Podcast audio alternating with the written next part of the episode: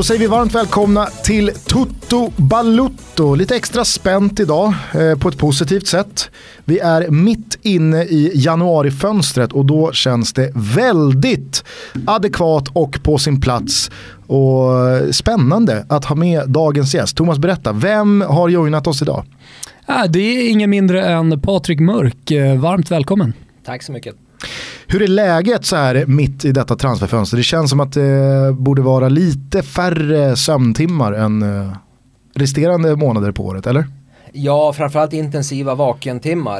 Eh, det är ganska rörigt. Eh, det är många bollar i luften och man räknar ju dagarna kvar till fönstret stänger och hur många spelare till man ska lyckas hitta nya klubbar åt. Så att det, mobilen kokar kan man väl säga. Nu är det ju ganska gammal i gamet, hållit på över 30 år. Men känner man fortfarande liksom samma rus och puls och sug?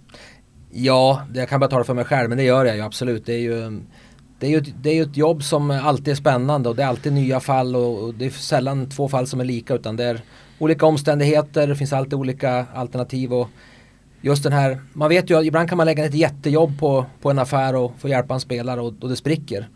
Eh, det gör det väldigt ofta eh, och då är det desto skönare när, när det lyckas och man sitter hos eh, en stor europeisk klubb och skriver kontrakt och, och, och sen fira på något sätt. Så den, den kicken den blir ju som en drog. När var det senast du hade en, en sån känsla? Eh, det, det, varje gång man gör en, en övergång är det ju tillfredsställelse mm. naturligtvis. Men Sen är det ju vissa som är på en sån nivå och en sån överraskningsfaktor. Just det. Eh, det är klart de minst väntade övergångarna är ju de eh, på sätt och vis häftigaste när folk undrar och ibland spelaren själv, hur gick det här till? um, jag lyckades ju ibland, jag har väl tagit de nästan de enda två svenskarna som har gått eh, svenska forwards från allsvenskan till Premier League. Det har väl gått tre genom tiderna tror jag. Eh, men Henrik Larsson gick ju via en kortis i Helsingborg till United så det är väl lite en speciell fall då. Mm. Men jag tog ju både David Elm och Björn Runström från allsvenskan till Premier League och jag tror att det är de två enda hittills. Och det är klart, där satt man ju och hade spelare som eh, som, som ville nypa sig i armen och det, det, är klart, det är lite extra häftigt när sånt händer. Det var många som blev överraskade när David Elm alltså, för Premier League. Det är skillnad på anfallare och anfallare men att David Elm är en av få svenska anfallare som har gått direkt från allsvenskan till Premier League. Det ska ju generera i eh, stor förvirring även hos David Elm själv. När jag, när jag, ringde David och berättade då, um, han frilansade då på uh, en tidning, Barometern tror jag, hade skrivit ja, någon match. Alla som spelar i Kalmar frilansar på Barometern. Och, uh, och då, då, då, då, körde han bil från det här jobbet och då sa jag liksom, stanna bilen och, och, och, lyssna nu. Och han trodde att jag drev med honom när jag sa att jag frågade vad säger du om att spela i Premier League? Um, men det ska man säga att David gjorde det ju bra. Uh, ett tag såg han ut att få ett, uh, jag minns det var en match där han um, mot Burnley där han gjorde mål och var bland de bästa på planen. Så att han, var, han, han gjorde ett antal matcher i Premier League och han var faktiskt nära ett, eh, att riktigt lyckas där. Men det blev på något vis lite stolpe ut i slutändan. Men det, var ju dessutom ett, det var ju dessutom ett Fulham som gick riktigt, riktigt bra. Alltså de var väl hela vägen fram i Europa League-final den tiden när Elm var där. Ja, och det var ju en lite kul story för de, deras önskespelare var ju, Roy Hodgsons önskespelare då, Roy var ju manager då, det var ju Rasmus Elm. Och de tjata, tjata, tjata för att få Rasmus och han ville inte dit. Och eh, då när de satt eh, några dagar innan fönstret skulle stänga och hade fått nej av en stor nia de ville ha från ett annat håll. Då var det någon scout som sa, ja men vad säger ni om Elms bror? Så att de ringde ju mig typ eh, två dygn innan fönstret stängde. Och eh, det var sån stress på slutet så att den affären höll på att spricka på grund av London-trafiken. Um, när, när, David i sista stund åkte för en sista hjärtundersökning då fastnade de i en trafikrusning så att det var liksom bara det var några minuters marginal innan vi fick det där påskrivet och det är klart att eh, den kvällen så, så undrar man sig ju eh, ett glas champagne. Men tror du det fanns någon dimension från Roy Hodgson att eh, vi kanske har bra chans på Rasmus i nästa fönster ifall vi tar brorsan? Eh, det är möjligt. Det är möjligt faktiskt, men eh, det blev ju aldrig så.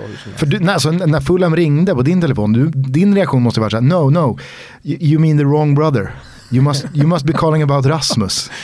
Ja, nej men David var ju en bra spelare då och, och eh, så, så helt, eh, helt eh, eh, sensationellt var det, ja sensationellt var det, men, men han gjorde, som sagt, han gjorde det ju bra. Han var väl lite, han var väl lite underskattad. Men i taxibilen där, alltså när ni, när ni taxade i bilen i Londontrafiken, hur nervöst var det? Var det liksom svettes bara rann eller? Eh, jag, Jag menar, för det var ju jag- det tillfället att komma dit. Ja. jag. Jag, satt ju i, ehm, på, på klubbens kontor och med, vi hade kontrakten klara. Och då skulle de iväg med honom på, på den här hjärtundersökningen och det var han som, så vi satt ju och väntade där och tittade på klockorna. Och vi fick ständiga rapporter från taxichauffören då att, eh, att, eh, att han var, de var på väg. Så att, jag tror att det var två minuters marginal. Helvete.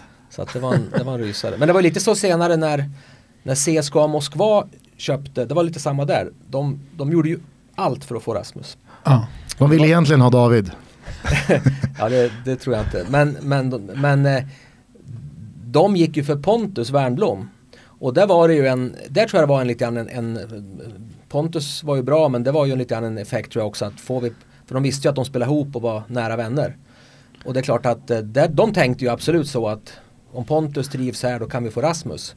Och i det fallet det blev ju en otroligt lyckad dubbelcup för att Pontus slog ju alla förväntningar. Han, han, han kom in eh, som en liten truppspelare till dem. Men började ju med att vara man of the match mot Real Madrid. Och har ju varit en kultfigur. Han har väl varit CSKAs bästa spelare nu i fem år. ja, nu gör jag ju dessutom massa mål. Ja. Så att det, det är, en, det är en, också en sån här osannolik historia att, att eh, hur det gick. För jag tror hade inte de velat haft Rasmus hade de nog inte tagit Pontus. Men nu slutade det med att de fick båda. Sveriges Maxwell, Pontus Wernbloom. Man tar Pontus Wernbloom för att få Rasmus Elm. På samma sätt som klubbar tar Maxwell för att få Zlatan. Ja, kanske det. Men vi pratar mycket om Wernbloom i och med att det är VM-år. Och tittar man på den svenska VM, eller mittfältsuppsättningen inför nu med Jakob Johansson som drog korsbandet. Att det verkligen, alltså det finns en superplats här för Pontus Wernbloom att komma tillbaka till det svenska landslaget och spela. Att, eh, att det, hej, hej och tack från Pontus kanske kom lite för tidigt, tycker vi då som supporter som tittar på det. Ja det är klart att eh, dessutom VM går i Ryssland. Han är en, en av de stora profilerna i ryska ligan. Ehm, så att ja. Det kan väl vara reflektioner jag också haft att det hade varit ganska bra med Pontus i svenska landslaget men det får, får ju han och Jan Andersson reda ut i så fall. Verkligen. Eh, vi ska snart eh, sätta tänderna i faktarutor. Jag tänkte bara på en grej som vi pratade om, eller eh, du nämnde väldigt snabbt här innan inspelningen, att allt i ditt liv en sån här månad på året är lite, eh, vad säger man, pre preliminärt. Eh, hur, hur, eh, hur långt fram i kalendern vet du liksom att ditt liv kommer vara? Är, är kvällen en potentiell resa till eh, någonstans i världen? Nej, man, man brukar, om vi säger så här, hade vi pratat sista veckan av fönstret då hade det, då hade det varit timmar. Eh, men nu är det ändå lite marginal så att går en affär igenom någonstans i världen så det räcker nog att jag åker imorgon bitti. Eh, men om vi säger nästa vecka till exempel har jag både lite bokningar här och där och vi är bjudna på någon middag hos vänner och, och det vet ju alla att jag kanske kommer, kanske inte kommer. Och om du kommer till eh, middagen så är sannolikheten, är sannolikheten stor att telefonen är uppe på bordet. Det tror jag att... Inte eh, fullt fokus på konversationen alltid då. Nej, nej det, man, man lever med det den här månaden i alla fall. Det, då, då går det inte att eh, släppa telefonen eh, många minuter. Alltså. Har du fått lämna något sånt speciellt ögonblick? Ja, nej men det, Fått resa upp och gå från eh, någon kyrka när någon polare gifter sig för att nu, nu jävlar är det bråttom. nej, men det är väl lite grann så att eh, våra bekanta och, och eh, är väl ganska van vid den jag är. Att eh, det blir liksom en, en liten livsstil att man har telefonen. De, de, de jag umgås med blir inte sura för att jag kollar i telefonen då och då. Det, de har väl vant sig. Eh, vad säger vi? Vi kan väl ta eh, faktarutan. Det är ju en hel del eh, sportsliga frågor här som jag vet att du har försökt parera och som Thomas har lovat att eh, ja, men vi kan steka dem. Men det, det kan vi inte. Vi måste köra faktarutan, sen så får man svara precis som man vill. Kör. Fullständigt namn, Lars Patrik Mörk. ålder, 52. hur gammal känner du dig? Det känns som att det här är ett sånt här yrke där eh, man, man ibland måste känna sig så jäkla ung. Man umgås ju med väldigt mycket med unga människor. Så är det ju. Eh, fotbollsspelarna är ju lite yngre än så. Eh, ja, eh, jag känner mig inte som 52 kan jag säga. Eh, 42. Upplever du att det är en fördel att åldersspannet mellan dig och aktiva spelare är större eller var det en fördel när man var närmare åldersmässigt? Eh, det är ju för och nackdelar med, med båda och. Det är klart att det är lättare att få eh, respekt eh, när man, eh, för det man har gjort när man, är, när man har hållit på så pass länge. Då. Men det är viktigt att man kompletterar. Vi har ju, vi har ju en kille som i vår agentur som heter Blash, Blash Hosseini. Som är ju, vad är Blash, 24-25 år och han är ju jämnårig med killarna. Och då blir det ett bra komplement för att eh, ja, vissa saker känns ju mycket mer naturligt. att prata med en kille som är jämnårig. Plus att ja, Blash är ju polare med många av våra bästa spelare. Uh, Men eh, det är klart att uh, med rutin och erfarenhet och allt där ålder så får man ju en, en liten en tyngd i, i sin kunskap då.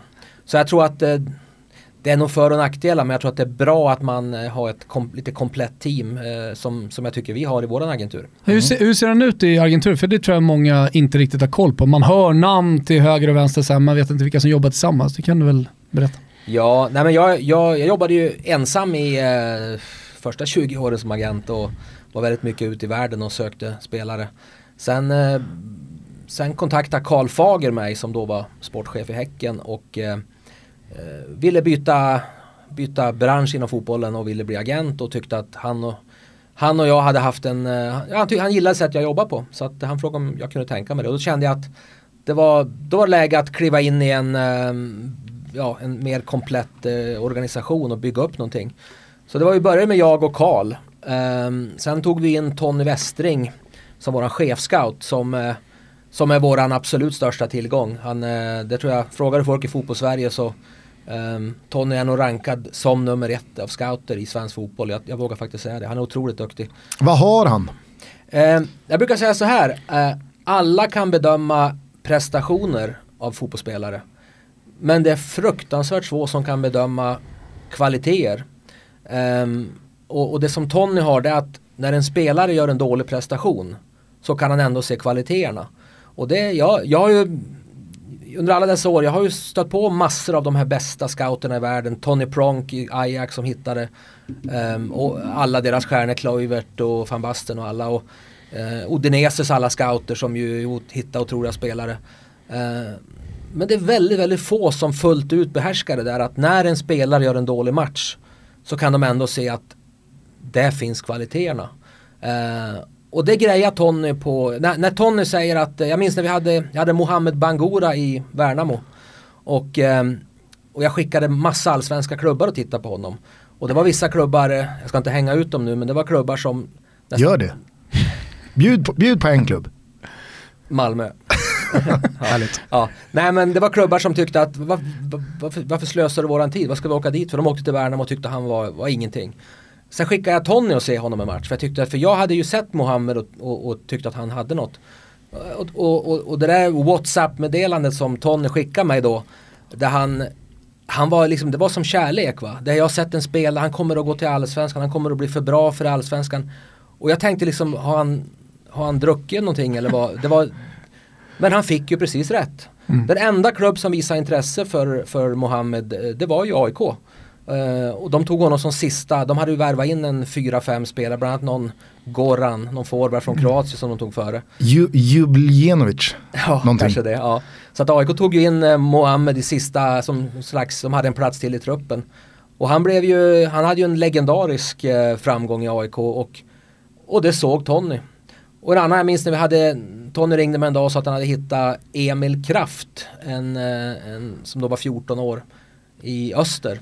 Och, han, och sen Emil kom inte med, jag tror inte han kom med till, till ja, de här... Till Elitpojk? Nej, han kom inte med i landslag i alla fall.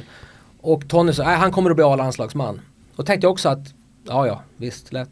Men Tony har väldigt ofta rätt och, mm. och han är en, en, stor, eh, stor, eh, stor, stor framgångsrecept för oss att han hittar han ser det där. De Då får jag bara fråga, hur ja. hittade du Tommy? Han eh, var redan verksam i, som chefscout hos en annan agentur. Okay. Så att vi rekryterade över honom. Eh, sen, Headhunting. ja, det kan man säga. Och sen då har vi de, eh, de övriga i våran, eh, våran grupp då är ju eh, Blash Hosseini som är eh, som finns som, som täcker Stockholm för oss eh, huvudsak. Eh, Oskar Hil eh, Niklas Hiljemark, Oskars pappa eh, som är scout täcker eh, Småland och Skåne. Och eh, sen eh, en viss Stefan Selakovic Sella som är våran agent då ihop med Karl på västkusten. Vad säger ni till varandra med de här scouterna? Finns det någon 13, 14, 15-åring som ni redan har i ditt stall som du kan prata om, som ni tror på väldigt, väldigt mycket? Ja, en spelare som vi har pratat mycket om nu i två års tid är ju en kille som, nu är han 15 i år, som heter Otto Valentin. Eh, han, har, han, har, han, har, han hittade Tony när han var 12 eller 13. Och det har liksom Tony sagt att ja, ja men den här killen, det, han, kommer att, han kommer gå hela vägen. Det, Tony menar att det är den bästa han har hittat hittills. Um, sen är ju alla medvetna om att det är ju ingen garanti. Det är ju killen som ska spela, vi kan ju tycka vad vi vill. Men han, eh, han, hade ju, han har ju varit hos Manchester City, Manchester United och alla möjliga klubbar. Och han valde ju Elfsborg. Så att eh, han är ju klar för Elfsborg nu. Från, eh, från januari här. Så det blir och idag är han hur gammal? 15 nu då. Okay. Fyller, fyller 16 i, i, i år. Så att, Hur ser en sån vår ut för en 16-årig jättetalang i Elfsborg? Som ändå satsar mot toppen. Så. Ja, nu är, ju, nu är ju, när man går, det är alltid en värdering som rådgivare när man rekommenderar eh, spelare vart de ska gå. Alla klubbar har ju sin stil och sin, eh, för, sina för och nackdelar. Eh, I fallet Elfsborg är de ju jätteduktiga på att ta hand om unga spelare, fått fram många spelare. Samtidigt så är de väldigt måna om att man ska gå den långa vägen. Mm. Du, ser, du ser sällan eh, 16-17-åringar mm. i Elfsborgs A-lag utan, och även Oskar Hiljemark fick ju gå den långa vägen och, och så vidare. Så, att, eh, så just går man till Elfsborg då får, man, eh, då får man den fotbollsskola man får gå igenom och man får räkna med att man ska ha tålamod. Men eh, det var det beslut som... Låter som ett sunt beslut ändå. Ja, men, men i dagens, dagens unga generationer har ju, och deras mm. föräldrar har ju ett litet tålamod. Mm. Och, och, det är klart, ser, ser spelare och deras eh, papper och mammor att eh, jämnåriga 17-åringar dyker upp i allsvenska eh, bänk, bänkar så, så förstår inte de varför deras son ska spela i ett juniorlag. Mm. Um, så att det, det, det är lite ett problem att uh, tålamodet hos unga spelare och föräldrar har blivit extremt kort. Mm. Jag, jag, har några fler frågor bara kring uh, er verksamhet. Jag vet att uh, du har sagt tidigare att du inte jobbar med liksom, avtal med spelare. Att inte liksom så här, man man har kontrakt på att jag är din agent? Nej, det är väl så här, jag, jag, vad som är viktigt för oss det är att ett samarbete ska bygga på förtroende och inte på ett avtal. Um, så långt det går. Sen är det faktiskt så att, uh, det är ett citat som jag, det är ganska många år gammalt. Mm. Uh, men sen är det faktiskt så att reglerna idag säger att uh, ska man företräda en spelare så måste man ha ett skriftligt avtal. Mm. Så att det är liksom inget, inget alternativ. Okay. Men sen som agent kan man ju också, ska man veta att man kan ju både en, en fotbollsagent kan ju, eller intermediary som det egentligen heter, mellanhand är ju den faktiskt den titeln som används officiellt idag. Så kan man ju både företräda en spelare eller företräda en klubb, hjälpa en klubb att antingen sälja eller köpa en spelare. Så det är ju en, det är ju lite mer komplext än att man bara är agent för spelare hela tiden. Men hur många spelare mellan tummen och pekfingret har ni knutna till ert stall idag? Eh, ha, det, jag har inte räknat riktigt på det. Men jag skulle säga att vi är ju, vi är ju sex agenter och eh, så delar vi upp dem då. Så vi har ansvar för alla, alla spelare har ju en av oss som huvudansvarig. Och eh, jag skulle väl eh, skulle gissa på att det kanske ligger på en eh, Vi brukar säga att vi vill inte ha mer än max 15 per person. Vi, och det är ju alltifrån eh, Serie A-proffs till en eh, ungdoms, en pojklagsspelare i, i Norrby liksom. Jag skulle tro att vi ligger kanske på 85 eh, spelare sammanlagt. En, en, en, bra gissning. Hur många av dem har aldrig haft att göra med svensk fotboll? Eller är det bara spelare som på ett eller annat sätt har Sverige som en del i, i sin bas hos er? Eh, nu pratar jag egentligen om den svenska delen just ja. nu då. Eh, sen har jag ju en, en eh, egentligen lite två verksamheter. Den ena är ju den svenska och GSM och den här basen med vi, vi sex personer och så vidare. Sen har jag ju, håller jag fortfarande vid liv den här utländska projekten. Um, att eh, att um, jag åker ju, och där har ju förut uh, sökte jag ju spelare över, över hela världen. Jag hittade Bedoya och Charlie Davis i USA, Atiba Hutchinson i Kanada, Armas i Moldavien, Mariga i Kenya och så, här, så vidare. Eh. Igor Armas. Det var han som tog Isaks eh, nummer i Bayern. Jag vet. Gustens ja. brorsa. Jag ber om ursäkt. Ja, det är helt okej. ja, men, eh, men sen har jag väl på senare år eh, nischat in det där till att fokusera framförallt på Västafrika.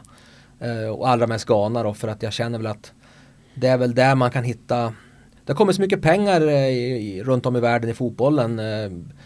Du kan, det är svårt att åka till Sydamerika och hitta spelare hit. Det är svårt, Östeuropa är jättesvårt. USA har blivit samma sak. Så att ska man ta unga supertalanger eh, hit eh, till skandinaviska klubbar så, eh, så är det Västafrika tror jag. Så att det har jag ju, det är en separat del och där, där eh, ja, de, de spelarna jag jobbar med, där räknar jag inte riktigt in i de här som du ställer en fråga om. Nej, Nej det, det var det jag menade, att känslan är att du har spelare som aldrig har varit i Sverige. Utan som du har hittat någon annanstans och sen så tagit till internationella klubbar. Ja, så är det. Men det är, det är inte riktigt samma. Jag, jag, jag, det är mer att jag, jag åker ju ofta till, eh, till Afrika med ett antal klubbar. Svenska klubbar, italienska, amerikanska. Senast jag var där före jul med då var jag där med en, en japansk, en belgisk, en fransk och en svensk klubb.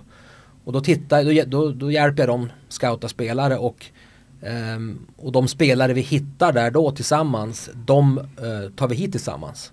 Så att det är inte så att jag har 22 Ghana-killar under kontrakt som är mina klienter där nere. Utan det, det är lite an, ett annat arbetssätt. Mm. Vilka spelare har du uh, varit med och plockat därifrån till andra internationella klubbar genom åren? Som folk känner till? Uh, Michael Essien, Soli Montari, Asamoah Jan, uh, Kodjo Asamoah i Juventus. Juventus. Till Odene. Ja, den historien är bland de, eh, bland de häftigare om jag ska sticka Berätta. Ja. Um, jag hade ju tagit uh, först Soli Montari till uh, Udinese som ju blev väldigt framgångsrik. Sen tog jag Asamoah Jan som var helt okänd. De bjöd upp honom, han spelade något pojklag i Ghana. de bara älskade honom och signade honom. sen var jag nere i Ghana i, såg på spelare något, ja, något år senare. Och då hade de precis signat en klubb jag jobbar med hade precis signat en ny vänsterkantspelare och då säger de där nere att ah, den där kommer att bli bättre än Montari. Och jag tyckte också han såg jäkligt spännande ut så att jag, jag ringde till Gino, Gino Pozzo, ägaren till Udinese. Och så sa jag till Gino, eh, lita på mig, sätt, sätt en scout på ett plan till Ghana. Jag tror jag hittar en, en spelare som blir ännu bättre än Montari. Um, oh, Okej, okay, så jag kollar så jag kommer tillbaka. Sen ringer han efter en timme och så säger han Patrik, jag kommer fram till att jag litar lika mycket på dig som våra scouter. Jag köper honom. Och jag blev ju lite så här skärrad för det är ju ett rätt stort ansvar. Jag ser mig inte själv som en scout på det sättet. Um, och, uh, men det var ju bara att köra och de köpte loss han för några miljoner och det var ju en helt okänd spelare. Han kom från något uh, borslag i Ghana, hade knappt fått vettig träning förut. Och, um, så jag var lite nervös, vad, vad har jag gjort? Um, sen får killen visum, uh, åker upp till Italien, började träna. Vad sa han? Eh, ja, han trodde knappt det var, jag minns jag träffade, hans pappa var präst. Och vi hade ett möte där och de trodde, vadå ska jag till Italien redan nu? Han hade nyss kommit till Accra. Och eh, han var från norra Ghana utanför Kumasi, en liten en by, en, eller en, en, by utanför Kumasi. Eh, I alla fall så kommer han till Udinese till slut. Eh, går, dagarna går, jag hör ingenting. Och jag börjar ju oroa mig att fan, nu, nu, har jag, nu har jag satt min sista potatis hos Gino. och sen ringer Gino efter kanske fem dagar och säger Patrik jag har bara en sak att säga. Tack. Och det var alltså Kodjo Asamoah. Uh, så, um, så det var jag. Och då sa Gino också att skillnaden är att alla andra, de andra agenterna ringer mig varje vecka och bombar massa namn. Dig hörde jag inte av på ett år. Du skickade eh, Asamoah Jan. Sen ringer du efter ett år och säger att du har en ny. Så att det grundlade väl den uh, väldigt fina relationen och samarbete jag har fått med Gino genom åren. Det var har ni fortfarande ni har kontakt sådär? Ja, nästan varje, jag säga varje dag.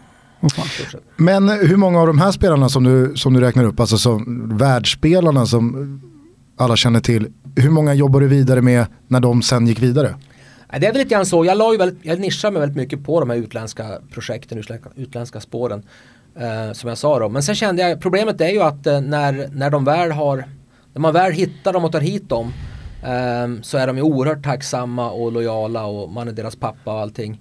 Men eh, särskilt när jag sitter då i Sverige och de är i Odine eller andra orter så det är ju, det är ju väldigt många som är duktiga på att eh, bli tajta med dem. Så att eh, det, det, var ju väldigt svårt. Jag, jag hade väldigt svårt att behålla de här spelarna när de tog nästa steg. Och det var väl mycket det som gjorde att eh, jag kände att eh, eh när då Karl Fager hörde av sig så tänkte jag att eh, det är ändå jag är ändå svensk, jag bor i Sverige. svenska spelare generellt är nog mer måna om eh, så att säga att, ja, lojalitet och att, att, att hålla till någon man litar på. Så jag, det var lite grann därför jag gjorde den uh, switchen. För jag, här sitter jag och håller på och hittar fantastiska spelare va, år efter år. Men sen när de är, när de är på piken av sina karriärer då, då har de bytt till andra agenter som, mm. som kanske har gett dem någon bil och grejer. Va? Så, att, uh, så det var egentligen, men jag, så att jag switchade väl till att fokusera huvudsak på Sverige mycket på grund av det. Men, men jag, har, jag har sånt fantastiskt kontaktnät där nere i Afrika. Så att, och jag, det är också lite grann en passion att åka ner dit och se en eh, pojklagsmatch med, med, på en plan som knappt har gräs. Och, eh, och så vet man att det, här och där finns det fotbollsdiamanter som kommer att bli världsspelare. Det, det tycker jag är fruktansvärt häftigt. Mm. Eh, det är väldigt Asamoah för övrigt eh, oerhörd favoritspelare för mig. Ja, jag, jag måste säga att jag, jag, jag är större fan av eh, Suli Montari och kanske framförallt eh, alltså. SCN. När Essien var som bäst i Chelsea, satan alltså. Fast när, när Asamoah var som bäst i Udinese, innan han gick till Juventus, då, alltså jag förstår att Juventus tog honom. Eh, och nu har jag Juventus-supportrar som säger, hej vänta nu, har vi skadade? Ska Asamoah in? Han gör aldrig en dålig match. Jag, jag måste bara säga det, alltså, det är lätt att eh, fastna på namnen som har tagit sig hela vägen till den yttersta eliten. Men hur många spelare lämnar ett land som Ghana och sen så blir det ingenting mer än en första klubbadress. Utan att det, liksom, det händer inte sen. Ja, det är ju väldigt små marginaler och det är lite intressant för eh, 2006 så tog jag ju hit eh, sex spelare från eh, samma klubb i Ghana till allsvenskan. Det tror jag är någon slags rekord. Um, Göteborg tog två. Och, ehm, AIK tog en. Hammarby tog en. Falkenberg tog en. Ja, uh, och Häcken tog en. Var det Kingsson till Bayern? Uh, nej, det här var uh, Pozzo till AIK. Aido till Hammarby. Lawson och Prosper till Göteborg. Mensa till Häcken och eh, Lord till Falkenberg. Och det var ju alltså... Ja, Bra namn. sex eller sju spelare var det och från en och samma klubb. Så vi tog nästan hela startelvan och tog till allsvenskan. Det var helt otroligt. Och jag kan säga att alla de, eh, jag vill säga åtminstone fem av de här var alltså extrema talanger. Det var svårt att skilja. Till exempel Lawson Sabba, mittfältaren som gick till, eh, till Göteborg.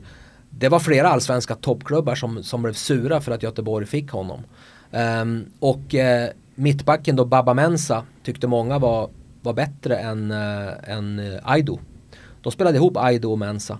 Så att då kom, det var ganska intressant. Uh, och då ser man att en sån som Aido har ju fått en fantastisk utveckling. Han är nu med säsongens lag i, i Belgien fast han har varit en halv säsong. Och det pratas redan om att han kommer att kunna bli såld till någon Premier League. Nu måste jag bara rätta mig för att få, få styrning på grejerna. Nu måste, då måste vi prata om 2016 och inte 2006. 2016 naturligtvis. Ja. Sa jag 6? Ja, det var därför jag drog upp eh, Richard Kingston ah, ja. till Bayern. Ursäkta, 2016 menar jag, ja. så två, två år sedan. Mm. Um, så, att, så det är ju intressant, uh, um, uh, man visar ju små marginaler där när Aido är en monstersuccé och Eh, Hammarby säljer han med stor vinst kan till och med köpa ihop ett, en massa spelare för hans pengar och, och så vidare. Och de andra för en ganska, än så länge ganska tydande tillvaro. Eh, så det är ett bra exempel på på, normalt sett brukar jag väl säga att eh, när man, jag brukar säga att som, som, som agent, som sportchef, som chefscout, du bör ha rätt åtta gånger av tio. Det är min tes. Eh, du ska inte ha rätt tio gånger av tio för då tar du inga chanser. Och det är bara Tony som har rätt tio av tio. ja, inte ens han. Nej men, men eh, och, och, och det, det, för många frågar mig det att ja, ja du pratar om de som har lyckats. Men, men jag skulle säga det överlag så, så någonstans där bör man ligga. Och tittar man på de, även de bästa scouterna i, i Sverige och, och, så här så, så, så som ja, Tor Backeman i AIK till exempel som, som är jävligt duktig. Så jag tror han ligger på någonstans. Han har, också, han har, hit, han har tagit hit några spelare som, som inte har varit särskilt bra. Men han ligger nog fan på 8 av 10 rätt och då är man, då är man ett superproffs. Så, så tänker jag också. Um, men av de här sex är det ju än så länge, som jag nämnde där, 2016 från Ghana till Allsvenskan så är det ju bara Aido som har dunderslagit. Men jag tror inte det, det är inte kört för dem. Jag tror att Pozzo kommer att bli bra i Östersund till exempel. Och, ehm, och jag tycker framförallt Lawson har, har, har mycket i sig. Får se var han hamnar nu då. Vilket ansvar känner du för de här spelarna? Alltså vad, vad, har man för relation till varandra? Eh, du menar ansvar om de inte lyckas? Jag menar både och liksom. Alltså, när du tar en spelare, i det här fallet då, så, liksom, kanske man mer ska benämna dem som killar eller människor. Så ta dem till Sverige, det, de får i mångt och mycket helt nya liv och tillvaro och sådär.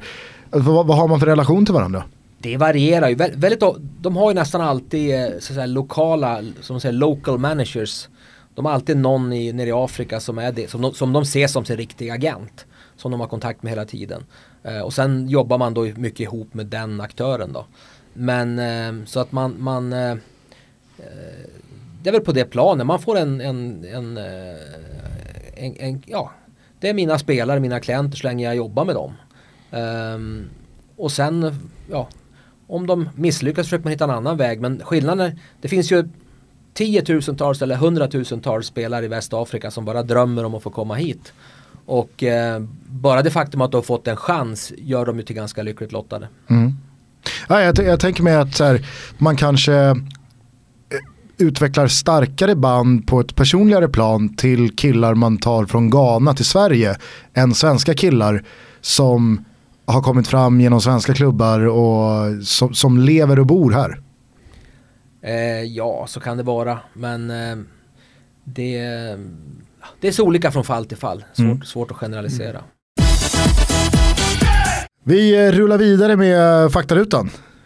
Och säger så här. Var är hemma för dig? Eh, det är ju Köping. Eh, men jag är också väldigt förtjust i Barcelona. Jag har en bostad där. Eh, så att eh, känner mig hemma där också. Är du born and raised Köping? Jag kommer från Foppaland, eh, Övik. Ja, man hör lite norrländska i det. Ja, så jag var väl enda i min klass som inte spelar hockey. Så flyttade jag söderut för fotbollens skull. Flyttade, hamnade i Markaryd. Jag hade Nanne Bergstrand som tränare i Markaryd. Men sen, sen, så jag satsade på fotbollen då. Men fick en, en, en skada, en lårskada som inte gav sig. Så att därför slutade jag väldigt tidigt då med facit i hand så är jag nog ganska nöjd för det. För jag, jag tror, då tyckte jag nog att jag var talangfull men det, det var jag nog kanske inte. Med Vad facit. var din eh, grej då på planen? Din talang? Jag vet inte fan om jag hade någon. Men jag, jag började som innermittfältare, sen blev jag högerback. Eh, nej, nej, jag var ganska begränsad men jag hade en bra, bra yttersida. Där, du ser, vi hittar den. Jag har en riktigt bra tvåfotare. Gusten har fortfarande ingen specifik grej. Man brukar ju eh, dividera lite huruvida eh, tränare bör eller inte bör ha en spelarbakgrund. Eh, tror du det är en fördel att som agent ha en spelarbakgrund eller inte? Det är klart att det, det finns många egenskaper som kan vara värdefulla i alla yrken och eh, det är väl en pusselbit om du har gjort en karriär och eh, du kan eh, delge hur du själv gjorde. Men det är väl, jag tror mycket på det att som i vårt team, vi har ju då Sella som har haft en hyfsad karriär till exempel. Så att det tror jag är en fördel. Men eh, tittar man på toppagenterna, många av de allra bästa eh, jag vet inte vilken specialitet Raiola hade som eh, fotbollsspelare eller jag vet inte kvaliteterna hos Oklart. Ja, jag vet inte vad Jorg Mendes hade för kvalitet men det är ju liksom eller Pini, Pini Sahavi och mm. så vidare. Jag vet inte ens om de ens kunde trixa med bollen så att eh, jag tror inte att, eh, tittar man på eh, toppagenter världen över så är det nog en, en minoritet som har spelat. Mm. De här du nämner nu, har du någon relation till någon av dem? Eh, på, på, olika sätt, eh, ja, eh, Pinne Sahavi har jag varit hem till, honom känner jag, känner jag väl. Eh, Raiola har jag pratat med några gånger. Eh, Mendes har jag haft lite kontakt med hans son så att det är inga, det är inga nära vänner men jag, jag, de, de vet nog vem jag är. Otroligt mäktig nu, Jorge Mendes. Ja, det får man säga. Ja. Nej, men samtidigt så tänker jag ju på, alltså, när man pratar svenska agenter, där känns det som att ratiot är ganska mycket högre då, då på de som har en spelarbakgrund. Är det så? Uh... Ja, men jag tänker Martin Dahlin och Selakovic, eh, Roger Ljung, Majstorovic skulle väl in i agentsvängen också innan han blev sportchef. Och... Nu kan man komma med en del motbud känner jag. Alltså spel, äh, agenter som inte har varit spelare. Ja, ja, absolut. Jag tänker bara att spontant så känns det som att Sverige då har en ganska Ja, alltså Schwarz var ju agent också ett tag, Stefan Pettersson också. Men, men om vi säger eh, Ljung är ju inte så aktiv nu. Eh, Schwarz har ju slutat, Stefan Pettersson har slutat.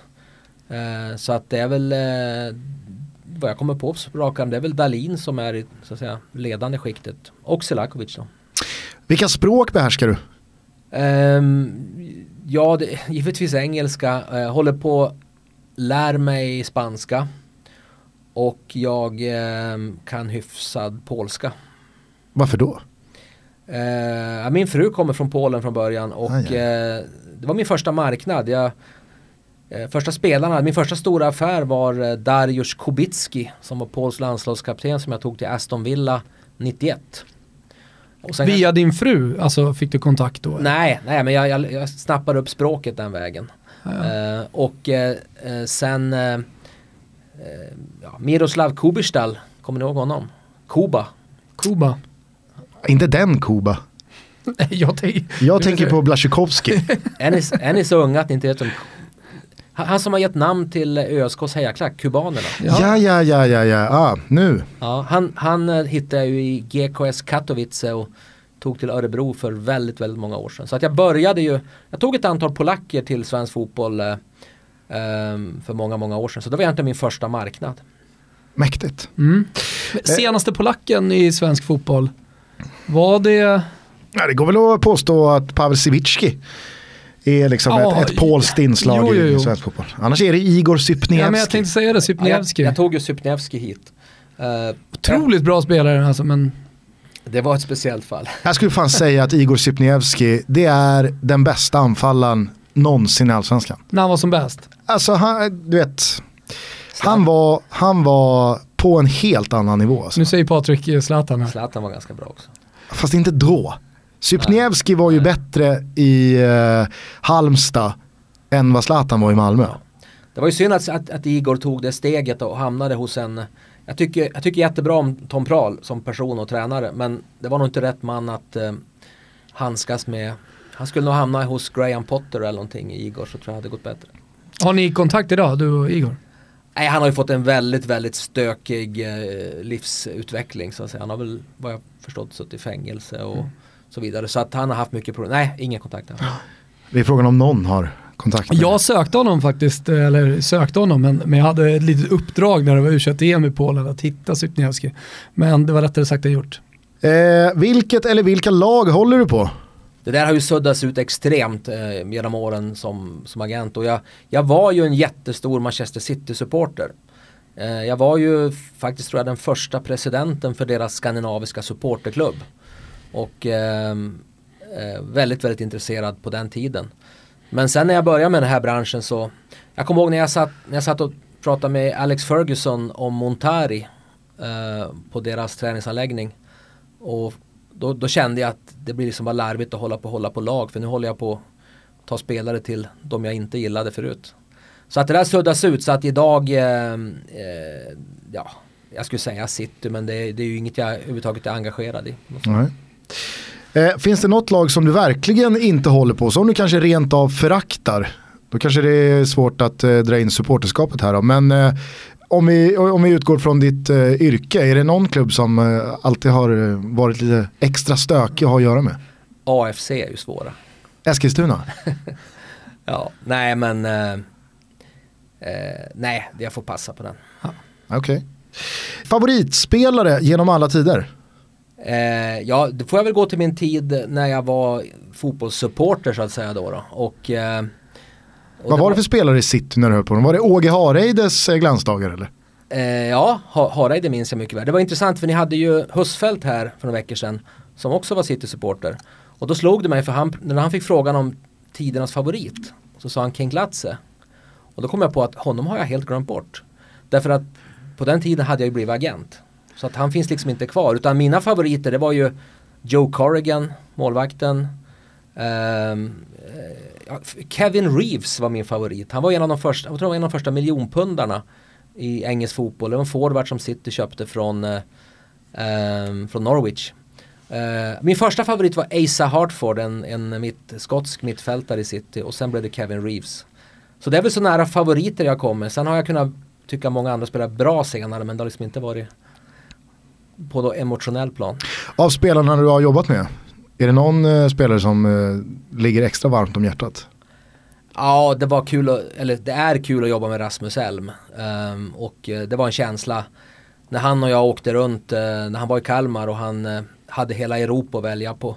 Och klubbar i alla stora ligor i Europa. Um, jag, jag berättade Thomas förut när, vi, när Fiorentina var så angelägna att få Rasmus och ville bjuda ner honom och han har ingen lust. Och då sa de, och då sa de ja men kom du då så kan du berätta för Rasmus hur bra det är här. Så jag åkte själv och liksom gav en rapport. eh, det är klart att eh, han, han, han är en bra spelare men han var ju en fantastisk talang. Och, eh, det var ju väldigt synd att, att han fick, eh, att hans karriär stoppade upp som den gjorde för att eh, Men det var häftigt, det, det, är väl, det är ju den, så att säga, frånsett de här afrikanska spelarna ehm, som jag jobbar med i deras tidiga skeden av karriären ehm, så, så är ju Rasmus Elm den ja det var ju, det var ju hög, hög nivå och en, och en speciell eh, jäkligt, jäkligt bra kille. Hur nära var det Fiorentina? Jag som Fiorentina-supporter vill gärna veta. Nej, det var, inte, det var inte aktuellt. Eh, de hade väl ganska dålig ekonomi då. ja, de, då, de, då också? ja, men eh, de, de, de gjorde om lite där och, och, la inte riktigt samma pengar. Nej, jag kommer ihåg att för, för Kal, Kalmar ville ju ha en, en nej då var han ju AZ förresten. Mm. Han var ju AZ då i den, den vevan. Och eh, nej, som jag minns det så, så eh, hade de inte förutsättningar att ens lösa han från AZ. Så att det var de hade väl någon förhoppning att han skulle eh, brinna så mycket för att gå till Fiorentina att han skulle nästan tvinga sig loss. Och det var nog ingen fel tanke i och för sig för det hade nog varit en väldigt bra fotbollsmässig miljö mm. men eh, jag minns inte skälen varför de föll bort men det var inte särskilt aktuellt då. Ja. Rasmus Elm, spontant så känns det som att han måste ju ha haft eh, en av de absolut bästa papperna att visa upp när man ska lämna allsvenskan som en spelare från allsvenskan har haft. Alltså de siffrorna och den impacten och Kalmar vann guld och Ja han var ju, så var det. Det var ju, det var ju bara välja och vraka. Det var hur mycket eh, bud som helst. Och eh, då gjorde vi så att eh, vi satte oss ner och sa att han, han fick välja ut eh, fyra klubbar som, var, som han tyckte var intressantast. Och sen så åkte, åkte vi på en rundresa och besökte dem. Och sen valde han faktiskt, eh, eh det är typiskt Rasmus, han valde med hjärtat. Han kände, kändes mest hemma i AZ. Och eh, jag tror väldigt många spelare hade nog valt Premier League eller Serie A eller La Liga eller någonting. Det var det det handlade om då? Ja, det var alla ligor i, alla, det var, vi var hos, vi åkte från... Vilka var de här andra tre klubbarna ni besökte? Det var Everton, det var eh, Bayer Leverkusen. Och eh, jag kommer faktiskt inte ihåg den fjärde. Jävlar vad Rasmus Elmen då välja Alkmaar.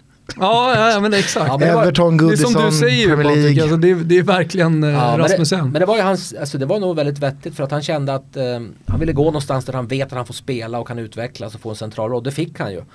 Och sen när han skulle lämna, det var ju egentligen samma sak, när han skulle lämna AZ hade han ju lika mycket alternativ. Um, och då um, alla var ju förvånade att det blev CSKA då men, men eh, ja, det känd, han hade ju inte flyttat dit om inte Pontus var där så att eh, den Nej. grejen funkar ju. Hur högt, men vad, vad pratar högt? vi då för klubbar, alltså i CSKA-svängen där? Eh, det var ju bland annat, eh, jag hade ju möte med eh, Liverpool till exempel. Och, eh, var det då när Roy Hodgson var där då eller? Jag minns bara att jag, chefscouten hette Steve Hitchen och han, vi hade ett möte i Monte Carlo då och pratade om Rasmus. Jag tänkte att eh, Roy Hodgson inte hade släppt Rasmussen utan han fortfarande ville ha honom. Nej, jag, tror, jag minns inte vem som, jag tror inte det var Roy då. För då hade jag minst, då hade jag pratat med Roy, men nej det var det någon annan. Men Liverpool var väl den klubb jag minns, men det, men det var, alltså Rasmus har, har, han har inte fått den där riktiga superstatusen i Sverige som han har haft internationellt. Varit... Hur högt skattad var han i, i Moskva? Och ja, Ryssland? Ja, enormt. De, de håller ju fortfarande på och vill ha tillbaka honom nu. De ringer och frågar om han är intresserad. Så att, eh, han spelade ju två säsonger och de vann ligan båda. Och eh, i Sverige blev han ju, fick ju aldrig den där jättefullträffen i landslaget.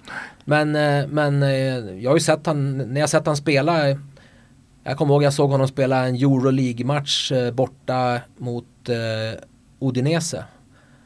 Och jag har sällan sett spelare, alltså så imponerande. Jag minns att Udinese gjorde 1-0 genom Di Natale direkt. Och eh, jag tror att de hade vunnit borta också eller någonting. Det var, de var i alla fall ett hopplöst utgångsläge. Och, Odene, och eh, AZ fick en utvisad. Och då gick Rasmus ner som mittback. Och eh, han vann själv den matchen. De gick vidare på något obegripligt sätt. Så, ehm, Vad sa Pozzo efter det då? Honom ska vi ha. Eh, ja, nej då, han, eh, han, eh, han tog det bra. Ja. Finns det någon spelare som du aldrig riktigt gillat? Nej, det kommer jag faktiskt inte på någon. Inte en enda? Nej, den, den, måste, jag, den måste jag suga på. Ja. Får skrika till om du kommer på någon. Ja. Vad gillar du att göra som inte har med fotboll att göra?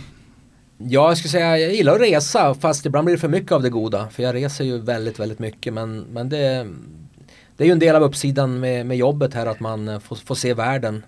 Um, var många gånger till, vi har ju tagit massa spelare till Kina senare år och det har varit häftiga äventyr och, och, och bra affärer också. Och sen var jag ju på en resa här till eh, ihop med Karl, min, min, min eh, samarbetspartner i här i höstas här i Japan, Sydkorea, Thailand på en sväng och Mhm. öppna nya, för att öppna nya marknader. Jätteintressant. Jag gillar att resa, eh, ny mat, ny, ny, se nya kulturer. Då. Sen är jag ju väldigt vinintresserad. Jag skulle säga att, att just vin är väl mitt eh, största, största intresse så att säga utan, på det sättet. Att, Något speciellt? Eh, Område, distrikt, land, eh, producent, druva.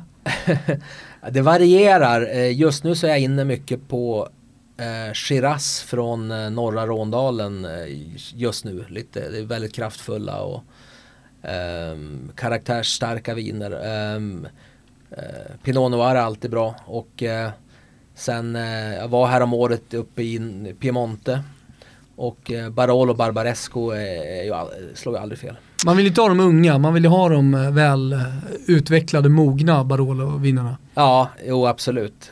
Nej men det, viner det, det, det prioriterar jag och det, det, drick, det dricker jag bra grejer.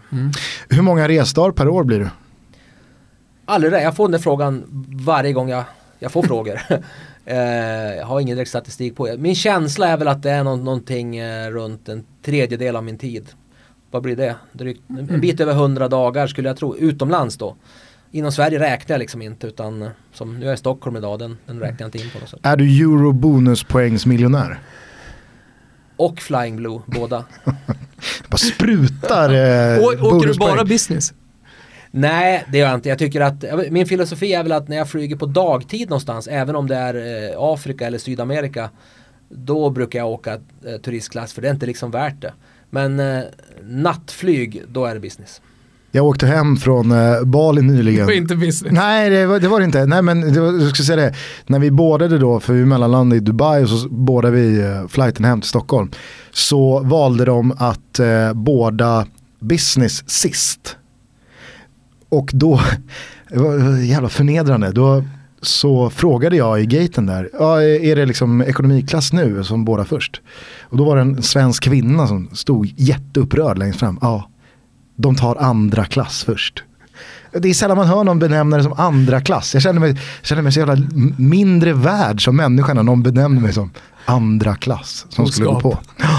Ehm, en person utanför fotbollen som du ser upp till av olika anledningar. Ja, jag förstod den frågan skulle komma. Jag kommer faktiskt inte på någon. Ja, Det är men, Pozzo. Ge, han, är väl, han är väl ruskigt mycket i fotbollen. Ah, Han är också utanför fotbollen. Jag vet inte. Ja, men i, I ditt liv, så ni, när du och Potts har kontakt så har ni väl inte bara fotbollskontakt? Jo, jo. Okej då. är han, är tokig i upp- fotboll?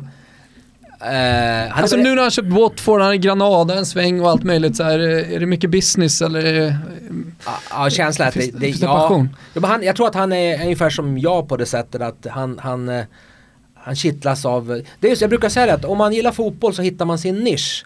Eh, någon blir domare och brinner för det. Någon blir, eh, står och säljer eh, lotter på matcherna. Någon blir ordförande. Eh, några pratar i en podd. Mm. Eh, för mig är liksom agent det som är grejen. Och jag tror för Gino Pozzo så är det att, eh, att äga klubbar och köpa spelare. Jävla trist att hitta nischen att sälja lotter. När man kunde ha tagit presidentskapet. Alla olika grenar som Mörk räknar upp här nu och, och så finns det några då som brinner för att stå liksom i, i svängdörrarna vid Ica och sälja Bingolotter. Har du provat det?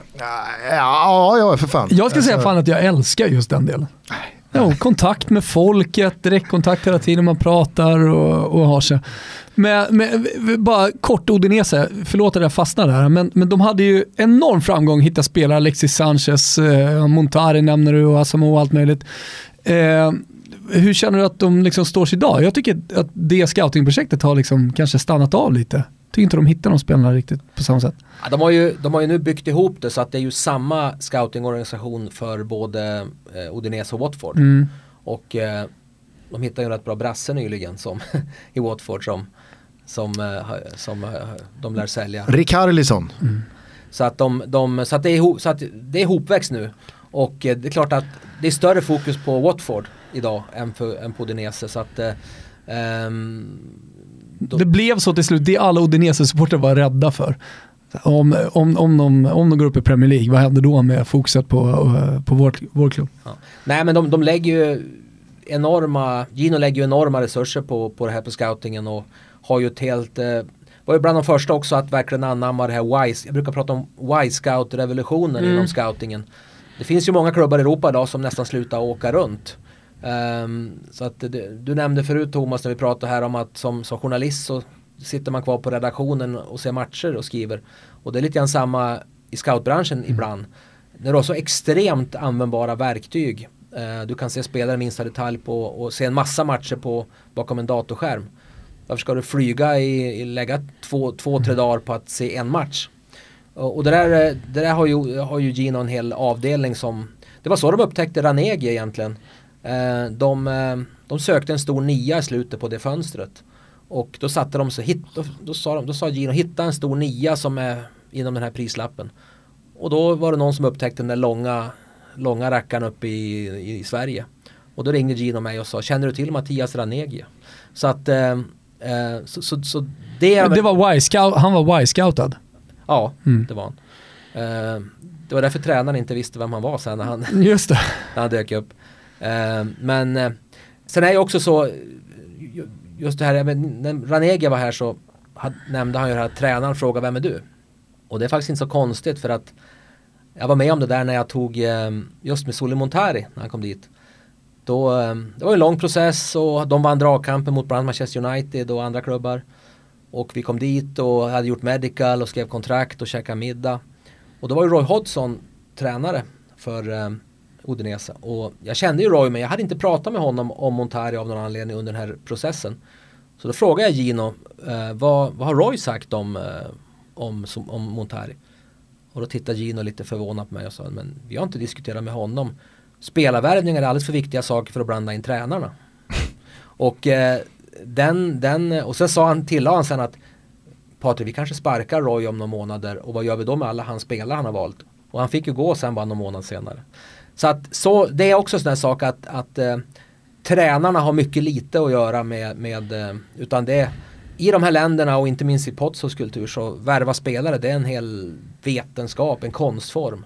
Och bara för att du är bra på att träna ett fotbollslag och motivera, coacha spelare det behöver inte innebära att du har den här fingertoppskänslan. Återigen bedöma kvaliteter. Utan de enas ju med tränaren då. Vi behöver den och den spelartypen. Sen är det upp till scoutingorganisationen att, att, att, vär- att hitta den spelaren. Se till om du har ett extra inlogg på Y-scout. Skulle vara kul.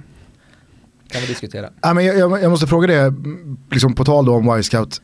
Upplever du att det är svårare att eh, få till affärer på senare år efter Y-scouts intåg? Alltså att det blir lättare för klubbarna själva att göra sin bedömning. Ja, Jag, jag, jag, jag nämnde ju begreppet Y-scout-revolution och revolution är ju en ganska stor förändring. Eh, det är helt annan, eh, helt annan ballgame idag. Eh, tiden för videojuggar till Hammarby och sånt finns ju inte längre. Och går jag tillbaka tio år då sa ju en klubb att skicka någon videoband. Och jag minns jag hade de här vadderade kuverten som jag la in VHS för, förr i tiden. Idag funkar det ju snarare så att eh, föreslår du en, en, en, en spelare till en klubb så säger de ja okej vi återkommer om det är intressant. Men ännu, ännu vanligare är det ju att, eh, att klubbarna själva, tidigare behövde man ju ett nätverk, scouterna räckte ju inte till så man var ju tvungen att man behövde ju agenters hjälp. Agenter var ju lika mycket scouter som agenter förr. Eh, och, och en agents kontaktnät var ju ot- otroligt viktigt förr i tiden. Idag går ju vårt jobb mer och mer mot att bli som hockeyagenterna. Eh, det finns ju ingen, det är inte så att en det är inte så att Claes Elefalk ringer upp Detroit Red Wings och säger du, jag har en bra vänsterback. Utan de vet ju skonumret på varenda 15-åring. Nu är hockeyvärlden mycket mindre. Men lite är det på väg att bli samma sak inom fotbollen att klubbarna, alltså söker du en vänsterback idag till en klubb i Belgien, då vet du alla bra vänsterbackar som är tillgängliga i hela Skandinavien. Så att det har betytt en, det har blivit en enorm skillnad. Hur bra säljare skulle du säga att du är? Ja, jag tror att en, en stor egenskap som, som jag har är att jag, jag från, jag, det kan vara en nackdel ibland, men jag, jag, bestämmer för att alltid vara, det låter väldigt skenheligt, men att alltid vara ärlig. Och jag vet att många klubbar kan ringa mig, och många sportchefer, eh, ledare så kan ringa mig och fråga om spelare som är, även som mina konkurrenter har och jag säger alltid som det är. Och det har byggt upp ett förtroendekapital att eh, eh, om jag då ringer en klubb och säger att det här, är en, den här spelaren ska ni titta på, den här spelaren är, är, är, det är, värt, det är någonting för er. Då litar de på det. Så att jag skulle tro att det är mer betonat, jag har varit med länge och jag har byggt upp ett, hoppas jag, ganska bra varumärke och, och, och förtroendekapital inom fotbollen. Så klubbarna och sportcheferna och klubbägarna litar på mig. Det är nog mer det än att jag är någon slags potentiell bilsäljare. Men skulle du liksom kunna sälja hjortron i Norrland Nej. till vem som helst? Nej, jag tror faktiskt inte att jag är någon, någon född säljare så. Um, det, det tror jag inte. Nej. Du, du, det finns olika säljartyper Gusten. Alltså, det finns ju den som brinner för sin produkt men då säljer man också eh, eh, det man brinner för och då tror man ju väldigt mycket på det. Sen finns det ju säljartypen som, som kan sälja hjortron i Norrland också. Eh, ja, det finns alla sorter. Jag tror jag skulle ha svårt att sälja något som jag inte liksom tror på. Det skulle jag inte greja. Men om jag, om jag, om jag brinner för något då, då ser jag till att det blir gjort. Mm. Men går det ibland att slå Y-scout? Alltså kan du, eh, kan du trumfa en klubbs uppfattning av en spelare genom Y-scout med din person? Man ska säga Bajskat är ju ändå ett, en del av, om vi, om vi säger att, att, eh, att, att, att Watford och Gino värderar en spelare i Sverige så är ju steg ett eh, eh Y-scout kombinerat med referenser då, typ från agenter och så. Eh, sen brukar man ju ändå fort, fortfarande åka och se spelare live. Eh, så att eh, de gånger jag, jag mer kan göra en sån skillnad det är ju snarare om jag ser en spelare typ i Afrika där det inte finns tillgång till vettigt Y-scout material. Då kan jag jag kan, jag kan ringa Gino nu och säga ta den här spelaren, då har vi en affär ikväll. Om den spelar från Afrika. Men jag kan inte ringa Gino och säga eh, ta, ta, ta Halmstads högerytter. Mm. För då, då ser de 15 matcher på Y-scout mm. och två gånger live och så säger de att vi håller inte med. Tyvärr, mina scouter håller inte med eh, Patrik. Mm. Din fetaste fotbollsupplevelse någonsin? Om vi pratar om fotbollsmatch och så vidare så var det nog återigen flashback till den, dag jag var den tid jag var fotbollssupporter. Det var ju Manchester City var ju i fa Cup-final mot eh, Tottenham. Vad kan det ha varit? 90, början på 90-talet. Var jag på Wembley. Uh, det var stort. Um, så pratar vi om fotbollsmatcher så, så, så, är, det väl, så är det väl det. Uh, fotbollsupplevelse annars i frågan om agent uh, framgångar så är det väl egentligen som jag säger de här två. När jag anländer till London med först Björn Runström och några år senare David Elm och, och, uh, och alla är chockade över att de här har gått till Premier League. Det var wow. Mm. Mm. Överraskningsmomentet och, och allt i det också. Ja, och, och, och, inte minst spelare, klienter som är fullständigt euforiska. Att man liksom har hjälpt dem till det här. Nu sitter vi här. När, när vi satt med, satt med Björn Runström och träffade Chris Coleman Uh, och Björn fattade knappt vad, vad, som hade hänt när vi satt och, och, och, så säger Chris Coleman då, en Premier League manager att uh, uh, jag ser dig som den nya Hernan Crespo. jag kan säga då, då, fick jag, även jag, då fick även jag lite hybris. Det var håret. ja. Ja. Kan vi diskutera Colemans öga? Vi är såklart sponsrade av våra polare på Betsson även den här veckan. Toto-tripplarna rullar på och det är officiella matchtröjor i Kickers-potten. Jag är i glödhet form så jag hoppas kunna bibehålla den och jag börjar den här veckan i Premier League där jag tror att West Ham slår Bournemouth. Det är ett West Ham som har sett mycket bättre ut under David Moyes på senare tid. Bournemouth fick slita lite i veckan och eh, det här är en match som Hammers bara ska vinna. Varför inte med ett avgörande mål från Arnautovic? Eh, senare på lördagskvällen så tror jag att Manchester City studsar tillbaka efter förlusten mot Liverpool och slaktar Newcastle. Jag tror att hemmalaget, alltså de ljusblå, gör över 2,5. Jag avslutar min trippel på söndag då jag tror att eh, Oddos eh, på nyttfödda Udinese slår Spal på hemmaplan. Hur ser din trippel ut Thomas? Jag tror på mål i den italienska ligan. En utvilad italiensk eh, liga eh, där det är idel eh, toppmöten, idel roliga matcher. Tror jag i alla fall om man gillar målchanser och förhoppningsvis också mål. Vi har Inter, Roma, Sampdoria, Fiorentina, Atalanta, Napoli. För mig stinker det baljer. Det stinker nätrassel i de här matcherna. Så att, jag har faktiskt spelat i Toto-trippen då över 2,5 mål i samtliga de här matcherna. Inter, Roma, samt Fiorentina, Atalanta, Napoli. Skulle förvåna mig extremt mycket om det inte blev en herrans massa mål här. Över 2,5. Inte Roma, Sampdoria, Fiorentina, Atalanta, Napoli. Ja, får vi hoppas på målkalas i Italien då, gärna att eh, Roma gör fler än Inter, men över 2,5 är det viktiga. Ni vet att ni hittar de här tripplarna under godbitar och boostade odds hos Betsson.com. Ni ryggar tripplarna med eh, 148 kronor i insats och sen så screenshotar ni in dem under hashtaggen Tototrippen. Så är ni med och tävlar också om de officiella matchtröjorna som kickers utöver förhoppningsvisa Dineros. Eh, hörni, eh, lycka till och puss till Betsson. Men du, jag måste fråga, hur mycket, hur mycket drivs man av pengarna? Jag kan säga att jag, för min del så, så um, faktiskt man vill, man vill göra bra affärer, man vill, man, vill, uh, man vill tjäna pengar, man vill, man vill bli framgångsrik, självklart. Men jag tänker, kan jag säga handen på hjärtat, jag kan vara lika glad för en affär som, som, är, som jag spelar en nöjd och som är en bra grej än vad jag tjänar. Jag sitter aldrig och räknar att oj nu tjänar jag så här mycket. Jag kan ge ett exempel när jag, vi hade Al-Haji Kamara som eh, spelade Norrköping. Som ju var jäkligt het ett tag och han var aktuell för Malaga och andra klubbar. Sen upptäcktes ju den här hjärt, hjärtsjukdomen. Jävla öde. Ja, och det var ju det var en väldigt speciell historia för att han, han eh, eh, det pågick väl en tre månader och det var ju Sveriges bästa hjärtläkare och man kopplar in Fifas eh, specialister. Och sen följer den slutliga domen då att han fick inte spela fotboll mer i det här resten av livet. Och eh, han var ju helt förkrossad och jag minns det, han var ju avtackad av Norrköpings fans. Och det var ju en match där de sjöng hans namn och publiken grät och han grät och och då sa han till mig, och jag, hade ju, jag såg ju ingen möjlighet att, alltså Fifa har förbjudit honom att spela fotboll. Och då sa, då sa Al-Hadji till mig, Patrik, du måste göra något. Det kan inte det kan, jag kan inte sluta för han hade ju inte hunnit tjäna ihop några pengar och, och så här. Hade ju inget annat än fotbollen. Så jag började ju ringa runt överallt. Tänkte att det kan vi ha något jäkla eh, kryphål någonstans.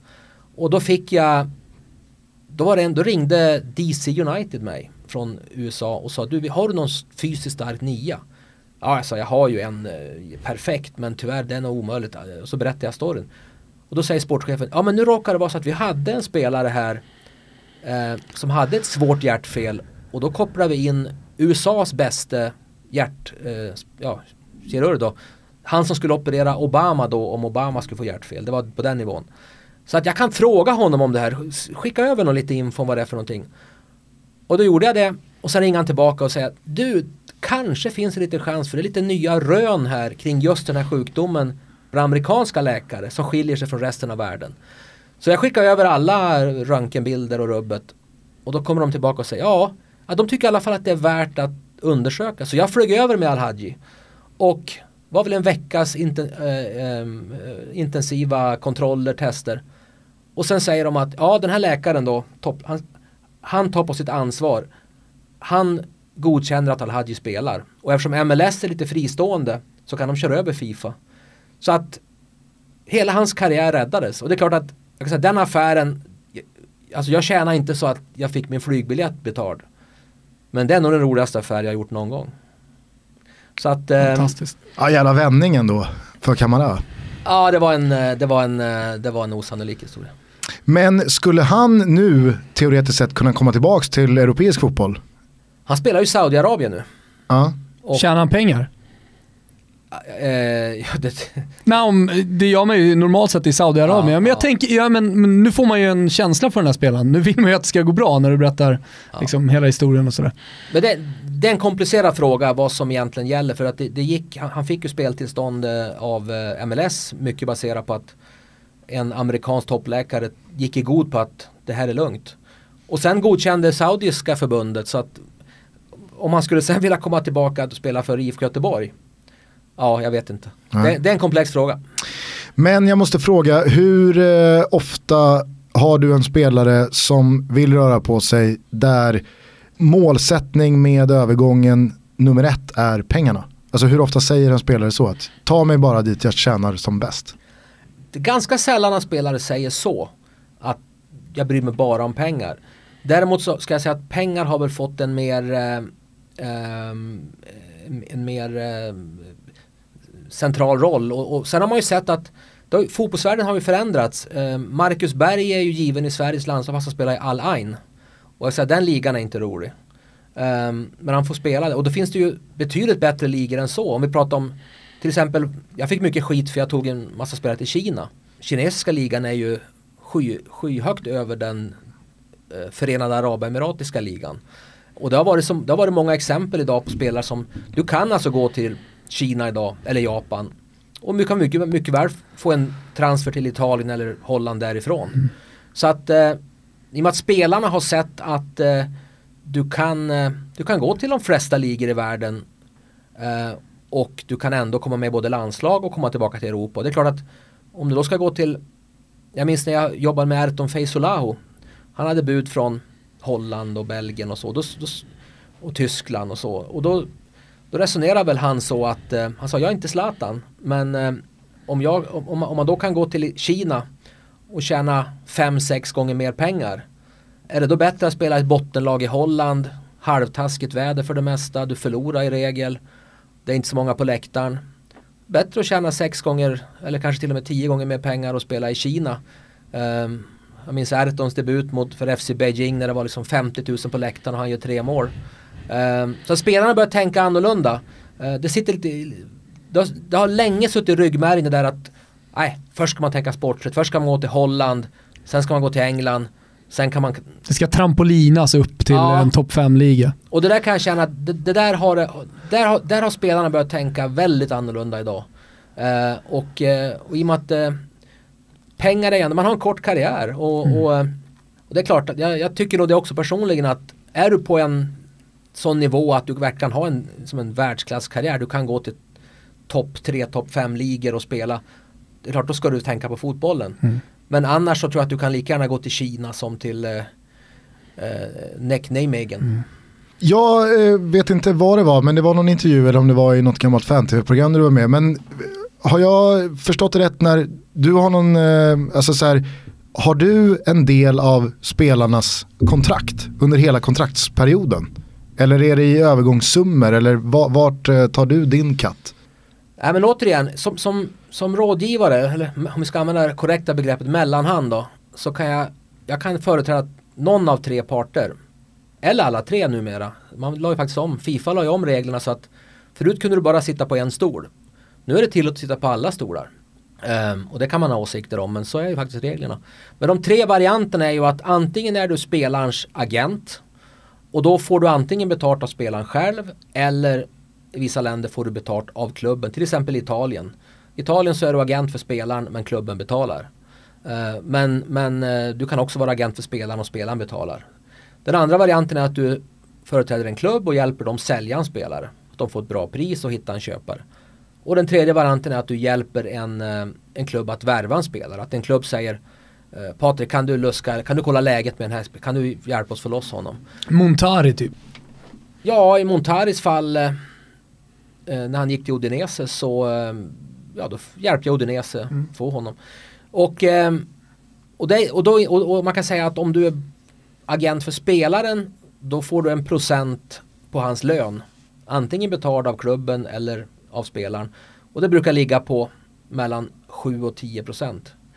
Fifa försökte ju skruva ner agenternas position och införa en regel att ingen agent får tjäna mer än 3 procent för några år sedan. Men det gick ju inte för att det stred ju mot lagstiftning i alla möjliga länder. Så att du får mellan 7 och 10 procent. Alternativ, andra alternativen där du då antingen hjälper en klubb köpa en spelare eller sälja en spelare.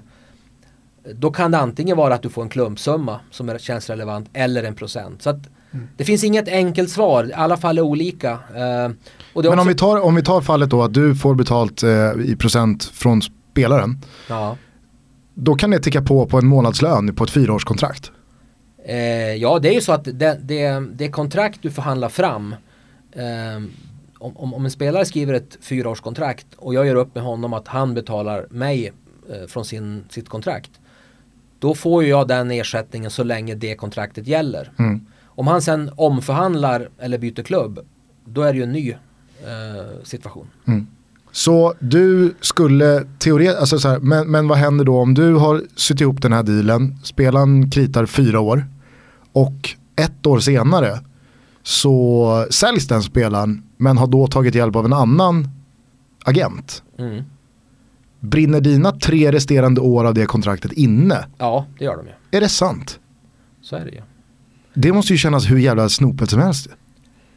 Eh, ja, men det, det hör till. Det är i och för sig en fri förhandling. Du kan, eh, eh du kan förhandla fram ett, eh, ett avtal. Eh, med, det, alltså om du kommer fram till en klubb att nu, nu signar ni spelaren för fyra år. Om du hjälper en klubb med en spelare så säger att eh, jag vill ha betalt för alla fyra åren även om han inte, har, om han inte är kvar.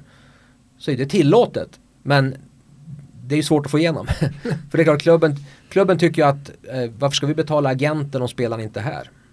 Så att, eh, nej, så jag tycker nog det är ganska naturligt att eh, så länge så länge eh, spelaren är i klubben så, så har vi den dealen, då tickar det på. Men om de säljer honom så tycker jag nog inte att det kanske är rimligt att man ska få fortsatt betalt av den, den klubben längre. Ja, nej. Ja, jag vet inte. Du får det... bli agent. Du får, du får bli agent jag, skulle bli så, jag skulle vara så jävla girig tror jag.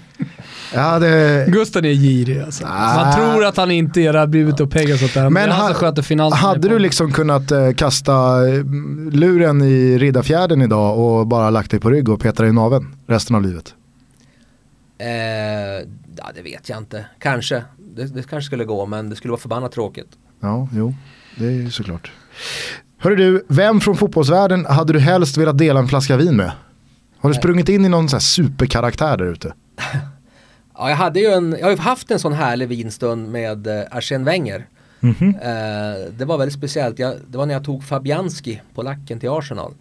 Och eh, då är man ju van när, när man har de här, eh, man, man, träffas och förhandlar kontrakt så sitter man i regel på någon flygplats eller något klubbkontor. Men när jag kom till London då, då sa de att äh, Arsen vill träffa dig eller Mr Wenger vill träffa dig eh, på någon, något slott. Så jag åker ut till något slott ute på landsbygden. Och så blir jag införd i ett litet rum, rum där det är nersläckt, tända ljus. Det var som en dejt. uh, och där sitter Arsen och ett glas... Uh, Naken? nej, nej, det var han inte. Men ett glas uh, rött vin. Frågade vill du ha? Jag tar ett rött också. Så det var Ja, extremt trevligt och det var liksom stil. Så det var, det var förbaskat trevligt. Var det Shiraz från norra Råndalen? Det var nat naturligtvis något franskt. Ja, eh, men såklart. jag kommer inte ihåg vilket. Jag tänker mig att eh, Wenger är otroligt strikt med att det ska vara franska viner. Jag bara gissar det. Förmodligen, ja, ja. det var säkert franskt. Eh, men, eh, Hur var nej, han? Nej men han var kanon. Han var, han var väldigt, väldigt sympatisk och eh, eh, nej, det var bra. Det var en sån här sak man inte glömmer. Och likaså när jag satt med eh, Eduardo eh, Marcia som då var sportchef i Fiorentina. Just den här resan när han skulle sälja in eh, Fiorentina och Florens till Rasmus Elm via mig. Eh, då satt vi på någon eh, ägarens eh, favoritkrog uppe i, i bergen och jag tror vi satt i fem timmar och drack vin och pratade. Det var, jätte, det var, det var höjdare också. Det är två sådana här vinstunder jag minns inom fotbollen. Och om jag skulle önska någon så det är klart Pep Guardiola hade väl varit kul att Lyssna lite, surra, lite, surra lite eh, scoutingtankar med. Bra läge just nu. Ja. Bra mm. läge att vara tight med Pep just nu. Vad tror du händer med Alexis Sanchez? Vad säger magkänslan? Eh, det låter väl som en ganska bra deal det här att han, eh, den här bytesaffären med, med, eh, med United. United. Ja, den, den låter väl som att den vinna vinna. Mm. Jag måste bara fråga där, eh, det du pratade eh, strax förut här om eh, med, med, med pengarandelen och hur man tar betalt och sådär. Jag vill minnas i somras där när Lukaku skulle lämna Everton och det var väldigt mycket Chelsea på det men att Mino Raiola ville att han skulle gå till United.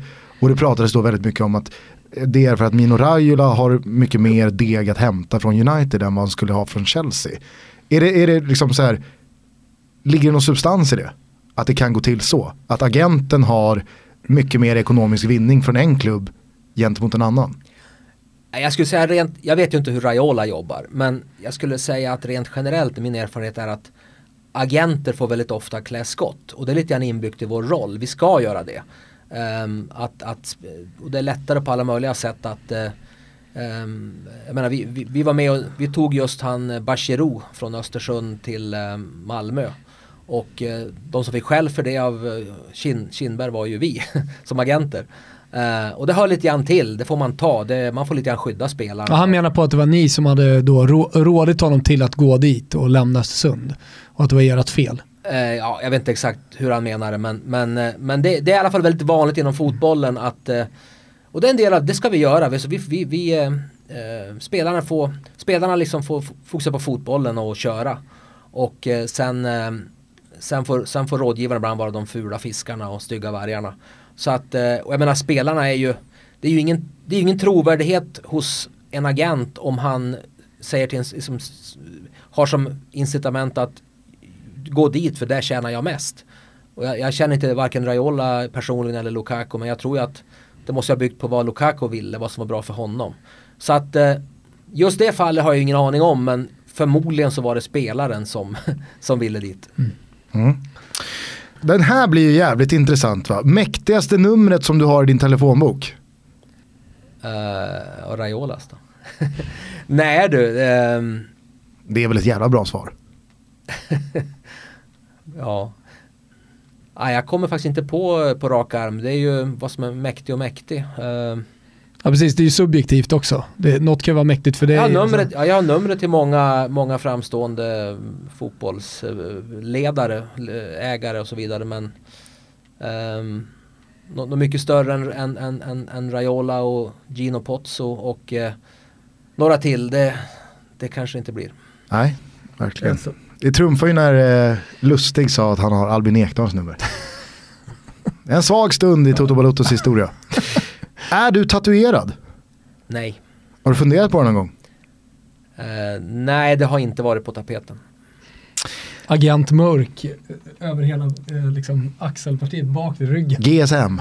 GSM. GSM i svanken. GSM på bilplåten har, varit, har man väl snuddat någon gång med men, men tatuering nej. Har du någon gång funderat på att eh, signa Gustav Sandberg Magnusson från BP för att hans initialer är GSM?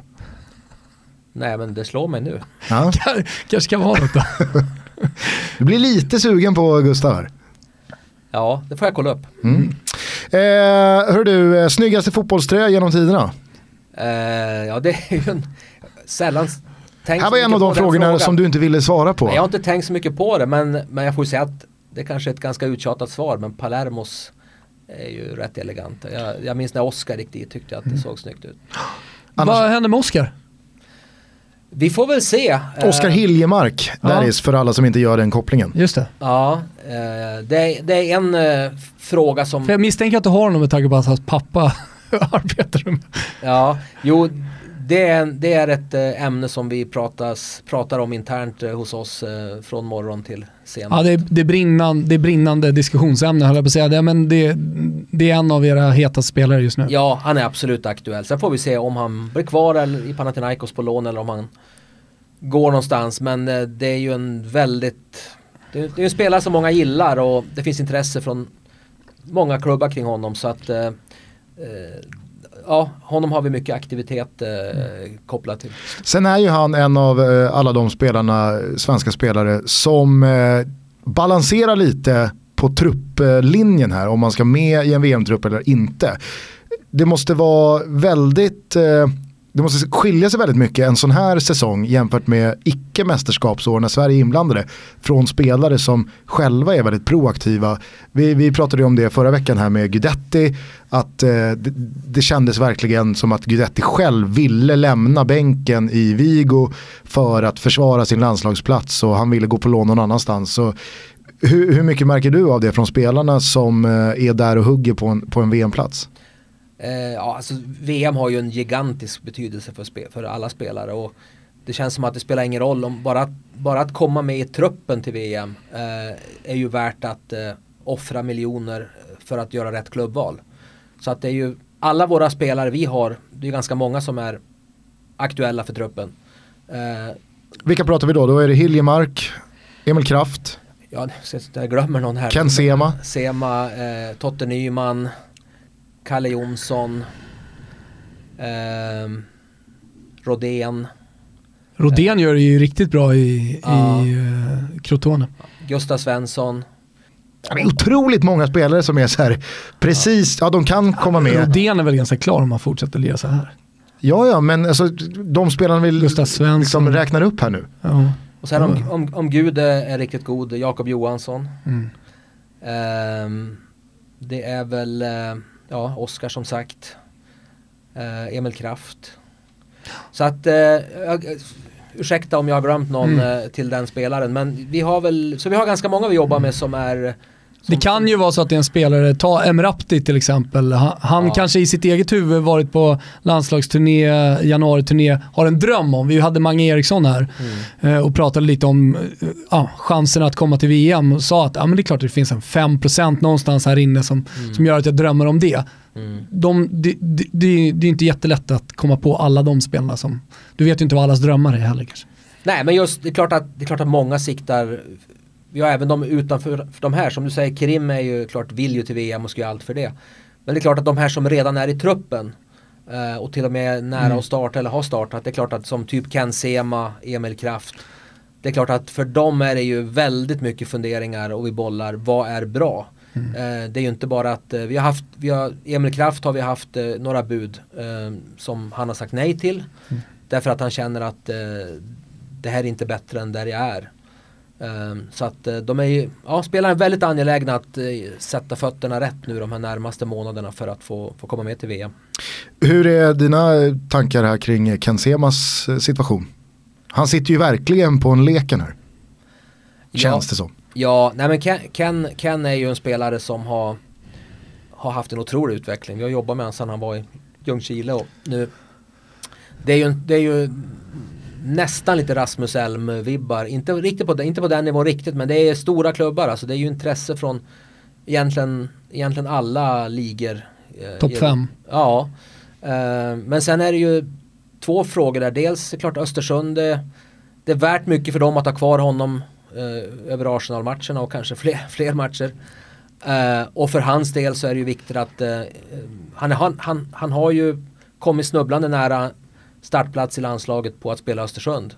Och byter man klubb så, och, och, inte får spela så vet man inte vad som händer. Så, att, så det är väl de faktorer som talar för att, eh, att Ken eh, överväger att stanna då. Men eh, han är väldigt attraktiv spelare och en, eh, en attraktiv typ. De växer inte på träd med mm. hans arbetsförmåga, fysik och spetsegenskaper. Jag, bara, jag tänker på, eh, vi pratade i senaste podden om eh, Simone Verdi som spelar i Bologna tillsammans med, med Kraft som tackade nej till eh, Napoli. Inte för att det är VM utan för att han kände respekt mot eh, Bologna-supportrarna. Eh, vi är mitt i säsong eh, och ja, han, han ville fortsätta till sommaren helt enkelt. Eh, jag, jag, jag benämnde det som väldigt ovanligt. Eh, känner du att liksom det där finns i, i vissa av dina spelare? Eller är det extremt, extremt ovanligt att man tänker så? Att man inte vill svika klubben så att säga, supporterna, eh, de som har trott på en tränare och lagkamrater? Eh, ja men i regel så är det väl en vinna-vinna. Jag menar, jag kan inte alls den historien. Men i regel så, så vill väl i så fall hans klubb också sälja honom. Um, så att då är väl de nöjda med det. Så att jag känner inte riktigt igen det resonemanget. Om din klubb är beredd att sälja dig till en annan klubb. Det betyder att din befintliga klubb är nöjd med, med premisserna. Mm. Och att man då ska stanna för att Ja, jag, jag har nog inte haft så många sådana exempel. Jag tänker bara där med, med Ken Sema. Jag har bilden av att eh, Daniel Kindbergs intåg på den allsvenska scenen eh, är ganska ny, alltså i, i sin stil. Att han eh, verkar inte dra sig för att säga det spelar ingen roll vad klubbar lägger upp för pengar på bordet, vi kommer säga nej. Eh, är det så i praktiken att de som äger spelare, liksom, nej han är inte till salu. Eller är alla spelare i Sverige till salu? Eh, ja, alltså sen är det ju relativt vad, vad, vad betalar man? För en miljard kan man ju köpa hela allsvenskan. Men nej men jag skulle säga att eh, eh det, det bygger ju också på att spelaren, om vi tar Östersunds fall och Semas fall och, och Kindberg och allt det här. Det bygger också då på att spelaren är beredd att stanna. Eh, om spelaren känner att det här är mitt livs chans, jag måste få gå, jag kommer inte att, att må bra om jag blir kvar. Eh, då är det svårt att säga, eh, det, alltså, du är inte till salu för något pris. Men Östersund är ju ett fenomen just nu. De har ju gjort det helt fantastiskt bra och, och Kindberg har ju troll, trollat med, med den där klubben och, och ja, hatten av för dem på alla sätt. Och jag märker när jag pratar med spelarna där att, att eh, de, de har lite grann en känsla att om, om, om, om alla stannar eller de flesta stannar så kanske vi slår Arsenal.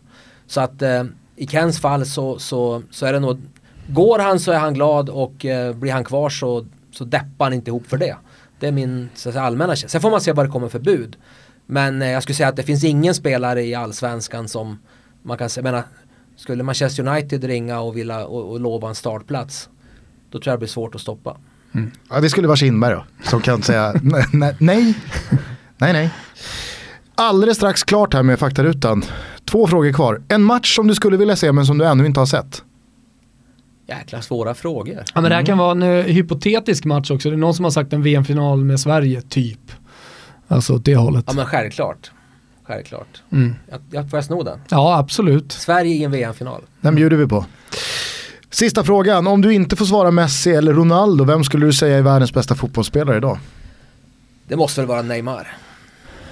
Ja, det känns som ett eh, både klokt och korrekt svar. Jag vet inte hur det är med dig Thomas, jag har eh, några frågor här som mm. jag är, är spänd Kör. på. Eh, hur skulle du Patrik säga att svensk fotbolls attraktionskraft har förändrats under 2000-talet? Har Sverige blivit en mer attraktiv eh, fotbollsnation för spelare att komma till. För spelare att flytta hit, ja. pratar om då. Eh, alltså Sverige, det är ju speciell fotboll. Om vi börjar i den änden, sen ja. tänkte jag att hur, ja. hur, det blir när spelare ska lämna. Det är en intressant liga eh, att komma till om vi säger typ för afrikanska spelare. För det är ju egentligen nästan bara sådana som kommer som, ja det kommer lite från andra länder också. Men det är ju det är ett bra skyltfönster, det dräller med scouter på läktarna. Ehm, det är en ganska lätt liga eftersom den är ganska svag att slå sig in i. Ehm, när Daniel Amartey var 18 år så kunde han gå in i Djurgården och vara bäst från match 1. Hade han gått till eh, Rennes eller PSG eller Lyon så hade han ju hamnat i eh, akademilaget. Ehm, så att det är, ju en, det är ju en attraktiv liga på det sättet då.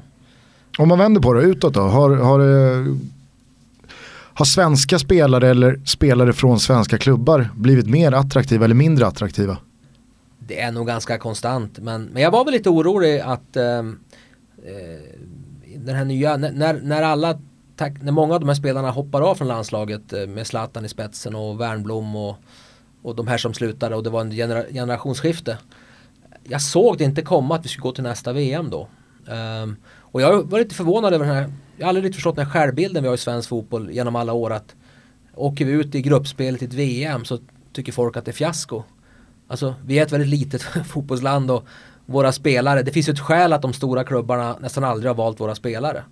Så att, ehm, eh, så, att så att det är väldigt tudelat och, och, det är klart att som nu med VM, jag tycker väl att själva det var som ni sa i programmet här med Tancredi att jag tycker själva att, att slå ut Italien tycker jag inte var den, den jättebragd som många har fått det till för det var ganska väntat. Det var två grupp tvåor som möttes, två ganska jämbördiga lag och jag tycker inte Italien tycker de, vi hade den under kontroll ganska bra. Däremot att komma till den positionen, att vi slår ut Holland, nästan slår ut Frankrike. Eh, det är otroligt bra jobbat. Eh, och, och återigen, men det är ju så, fotboll är ett lagsport och det är inte alltid de bästa spelarna som vinner matcher. Så, att, så vi har ett landslag som är på imponerande nivå och som kan skaka de flesta. Men men som sagt, det finns ju ett skäl att eh, nästan inga av våra spelare, det är ju bara Forsberg och Lindelöf Nilsson som är med på de riktigt stora klubbarna. Så att eh, ja, svensk fotboll är ju ganska eh, gan, ja, en ganska medioker liga och, och, på pappret ganska mediokert landslag men eh, eh, samtidigt häftig liga med all publik och så här så att eh, eh ja, det var ett, jag vet inte om det var ett svar på frågan men, mm. men jag är tudelad. Det var ju ganska många som förlorade sig fullständigt uppe bland molnen efter att Sverige vann U21-EM 2015. Vad skulle du säga det hade för effekt på, på de spelarna? Betyder ett U21-EM-guld jättemycket för att klubbar ska bli mer intresserade av de spelarna? Eh, alltså på den nivån, de där spelarna som var där var ju så oerhört väl kart, kartlagda. Eh, så att eh, klubbarna visste ju allt om de här spelarna innan. Eh, då har det mycket mer effekt, typ ett, ibland de här U20-VM som Sverige aldrig är med i. Där det kommer okända spelare från Afrika som tar alla med storm. Det, det, det, det är nya spelare, delvis nya spelare. Men det är klart det här svenska laget som, som vann U21-EM. Återigen, det, det, är ju ett det är ett lag som har vunnit. Det är ju inte enstaka spelare. Så att Um, det, hade en, det, var en, det var en positiv grej i alla fall och det var någon slags kvalitetsbevis för, för svensk talangproduktion att vi ändå vinner ett U21-EM.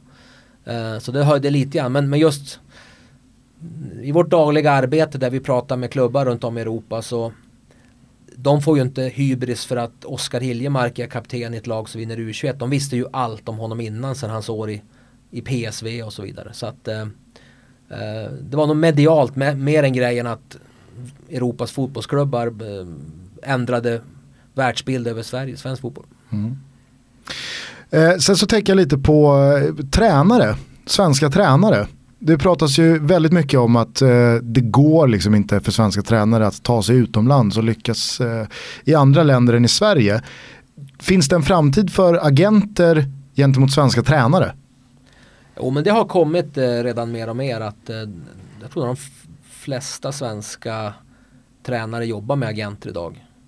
Um, så att, eh, och det är klart att uh, det är lite en, en, en, ny generation med Potter och Poja och de här i spetsen som um, får se vad de tar vägen. Har du jobbat med några tränare hittills?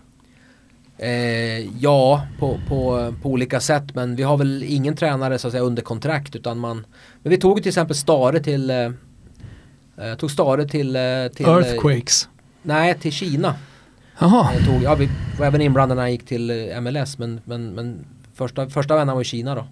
Och sen tog jag faktiskt Bosse Pettersson till Grekland en gång i tiden. Ja, var det med där? men det är preskriberat nu kanske. preskriberat. Bosse sitter ju, för, du har ju gjort mycket för hans liv i så fall om du var med och hjälpte till där med tanke på att han sitter ju fortfarande på torget i Grekland ofta och dricker en liten oso. Ja det var en häft, häftig resa vi gjorde där ihop. Det var ju faktiskt eh, fyra, fem svenska spelare i laget också. Och de gick ju de gick ju från division 3 till toppen av grekiska ligan. Så att, eh, ja, han har väl hus. Bra, bra cash också sa Bosse när han var med i podcasten här. Ja, och det var, det var ju... Det kanske var, framförallt i jämförelse med vad allsvenskan gav back in the days.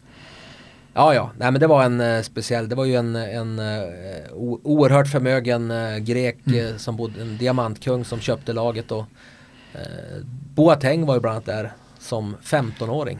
Oh, Men om du tittar i spåkulan då, tror du att vi om fem år kommer se det som mer vanligt att svenska tränare genom agenter landar uppdrag i utlandet? Nej, att, att, att agenter mer engagerar sig det är ju inget nytt och det är ju, ute, i, ute i fotbolls-Europa har ju alla bra tränare agenter så det, det tror jag inte har någon betydelse utan det är nog mer Alltså det, det Potter har gjort nu och framgångarna och sättet att spela är ju banbrytande och, och, och det är klart att det han borde ju kunna få ett eh, absolut toppjobb någonstans i Europa. Och det är klart att kanske det kan, nu är inte han svensk då, men han har gjort det i Sverige. Och att, eh, att eh, jag tror så som Poya Asbaghi är ju en väldigt spännande tränare. Eh, jag tror att eh, kanske att det lite nya, nya, det här nya tänket kan eh, bana väg. Men eh, eh det är inte lätt för svenska tränare att göra karriärer i Europa. Det, det kommer nog bestå. Mm. Ska vi pressa Patrik lite på eh, någon sån här superanekdot innan vi stänger ner avsnittet? Absolut. Har du något i lådan som, eh, som du kan bjuda oss på? Någon superanekdot? Uh, nej, inte vad jag kommer på just nu. Ja, vi kanske får spela in i något sammanhang då kanske. Ja, vad fan. Jag får, jag får ringa upp er om jag kommer Ja. på någon. Det måste ju, vad säger du, 32 år i, i gamet. Det måste ju ha hänt hur mycket märkligt som helst längs vägen. Ja, eh, det gör det säkert. Nej, men vad ska jag säga? En liten udda grej var väl när eh, jag tog Wanderson eh, från Gais eh, till eh, Saudiarabien. Och eh, det var lite tajt också inför transferfönstret skulle stängas. Och problemet var att prins Faisal som äger klubben, eller presidenten i klubben, var i, på semester i LA. Och hade kontakt med honom där borta. Och han hade sin privata jet och flög varje dag upp till Las Vegas fram och tillbaka. Ehm, och då tänkte vi hur ska vi få ihop det här och, och sen gäller det att vi ska ju ha visum och så till Saudi så det var ju, hade ju tagit tid. Och då enas vi om att ehm, han skulle ta en, en, ex, en avstickare via Paris och gå ner där och skulle vi träffa honom där och eh, skriva kontraktet. Så det var lite En avstickare mellan, Eller Från LA till, eh, vad blir det, Jeddah. ja, Och eh, så det var lite häftigt. Det var, det var den första prinsen eh, jag träffade. han Eh, damp ner där och så gjorde Ja. upp dealen. Precis, så att vi bestämde något lyxhotell där och eh, jag och Wanderson flög ner. Och eh, skulle vi på ett visst ställe och eh, ja, och, det, och han var ju, var ju väldigt enkel och så. Man hade ju förväntat sig speciellt skrud och så men eh, han var väldigt enkel och sympatisk och hade ju ett rejält följe med, med livvakter och ett entourage. Alltså det måste ju varit speciellt när arabvärlden klev in på fotbollsmarknaden här för, vad kan det vara, 10-15 år sedan. Alltså det, det måste ha förändrat spelet lite. Ja, men det har, ju inte, det har ju inte varit någon stor marknad för skandinaviska spelare. Nej. att, eh, det har ju varit ganska få det är väl där. chippen. Chippen har ju, har, ju, har ju varit stor där nere. Men i övrigt är det ju ingen som har, har lyckats. Eh, Det har ju varit några stycken i Saudi men ingen har ju egentligen fått spela. Så att eh, så det är en eh, så, så det är ingen liga vi, vi i Skandinavien har haft så mycket med att göra än så länge. Nej. Eh, känner du dig nöjd Thomas? Absolut, Eh, mycket trevligt samtal Patrik. Vad, vad, vad tror du i magen här då? Vad, vad har vi att förvänta oss av sista halvan av eh, transferfönstret i januari? Är det något speciellt som kommer hända? Ja, det får vi se. Men vi har ju vi har väl en, eh, en handfull spelare hos oss som hoppas på en flytt. Jag är inte förvånad men väldigt nöjd om vi flyttar alla fem. Okej, Spännande. spännande. Spännande. Annars, eh, du, du, det här kommer ju ut på fredag, idag är det onsdag. Du har ingen klar deal idag som du vill liksom breaka till på fredag. Nej, det är inget som är så nära och, och, och det kan jag lova. Det är inget som, Ja. är, som är på utan eh, Men svara inte när disco ringer då, utan eh, ta det med oss direkt. jag, jag whatsappar i så fall. det är bra. Härligt. Hörru du, eh, vi önskar dig en eh, fortsatt eh, trevlig januari månad. Hoppas att dealerna landar som eh, du vill. Tack så mycket. Och att det blir en jäkla massa GSM-spelare i VM.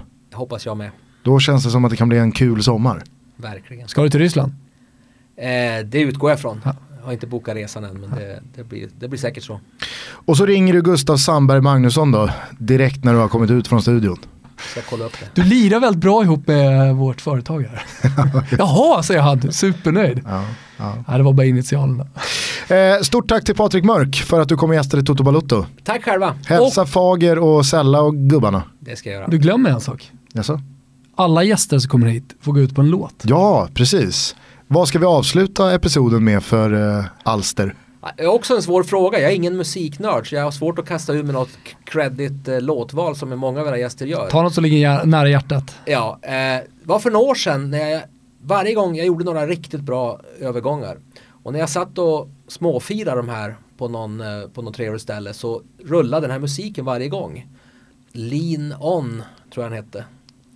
Så den, ger mig, den får mig att må bra. Lean On. Jävligt oväntat låtval av Patrik Mörk måste jag säga. Härlig låt. Ja, bra klös. Ja. Ja. Eh, återigen då, stort tack för att du kom. Tack själva. Tack Patrik. Ciao tutti. Ciao tutti.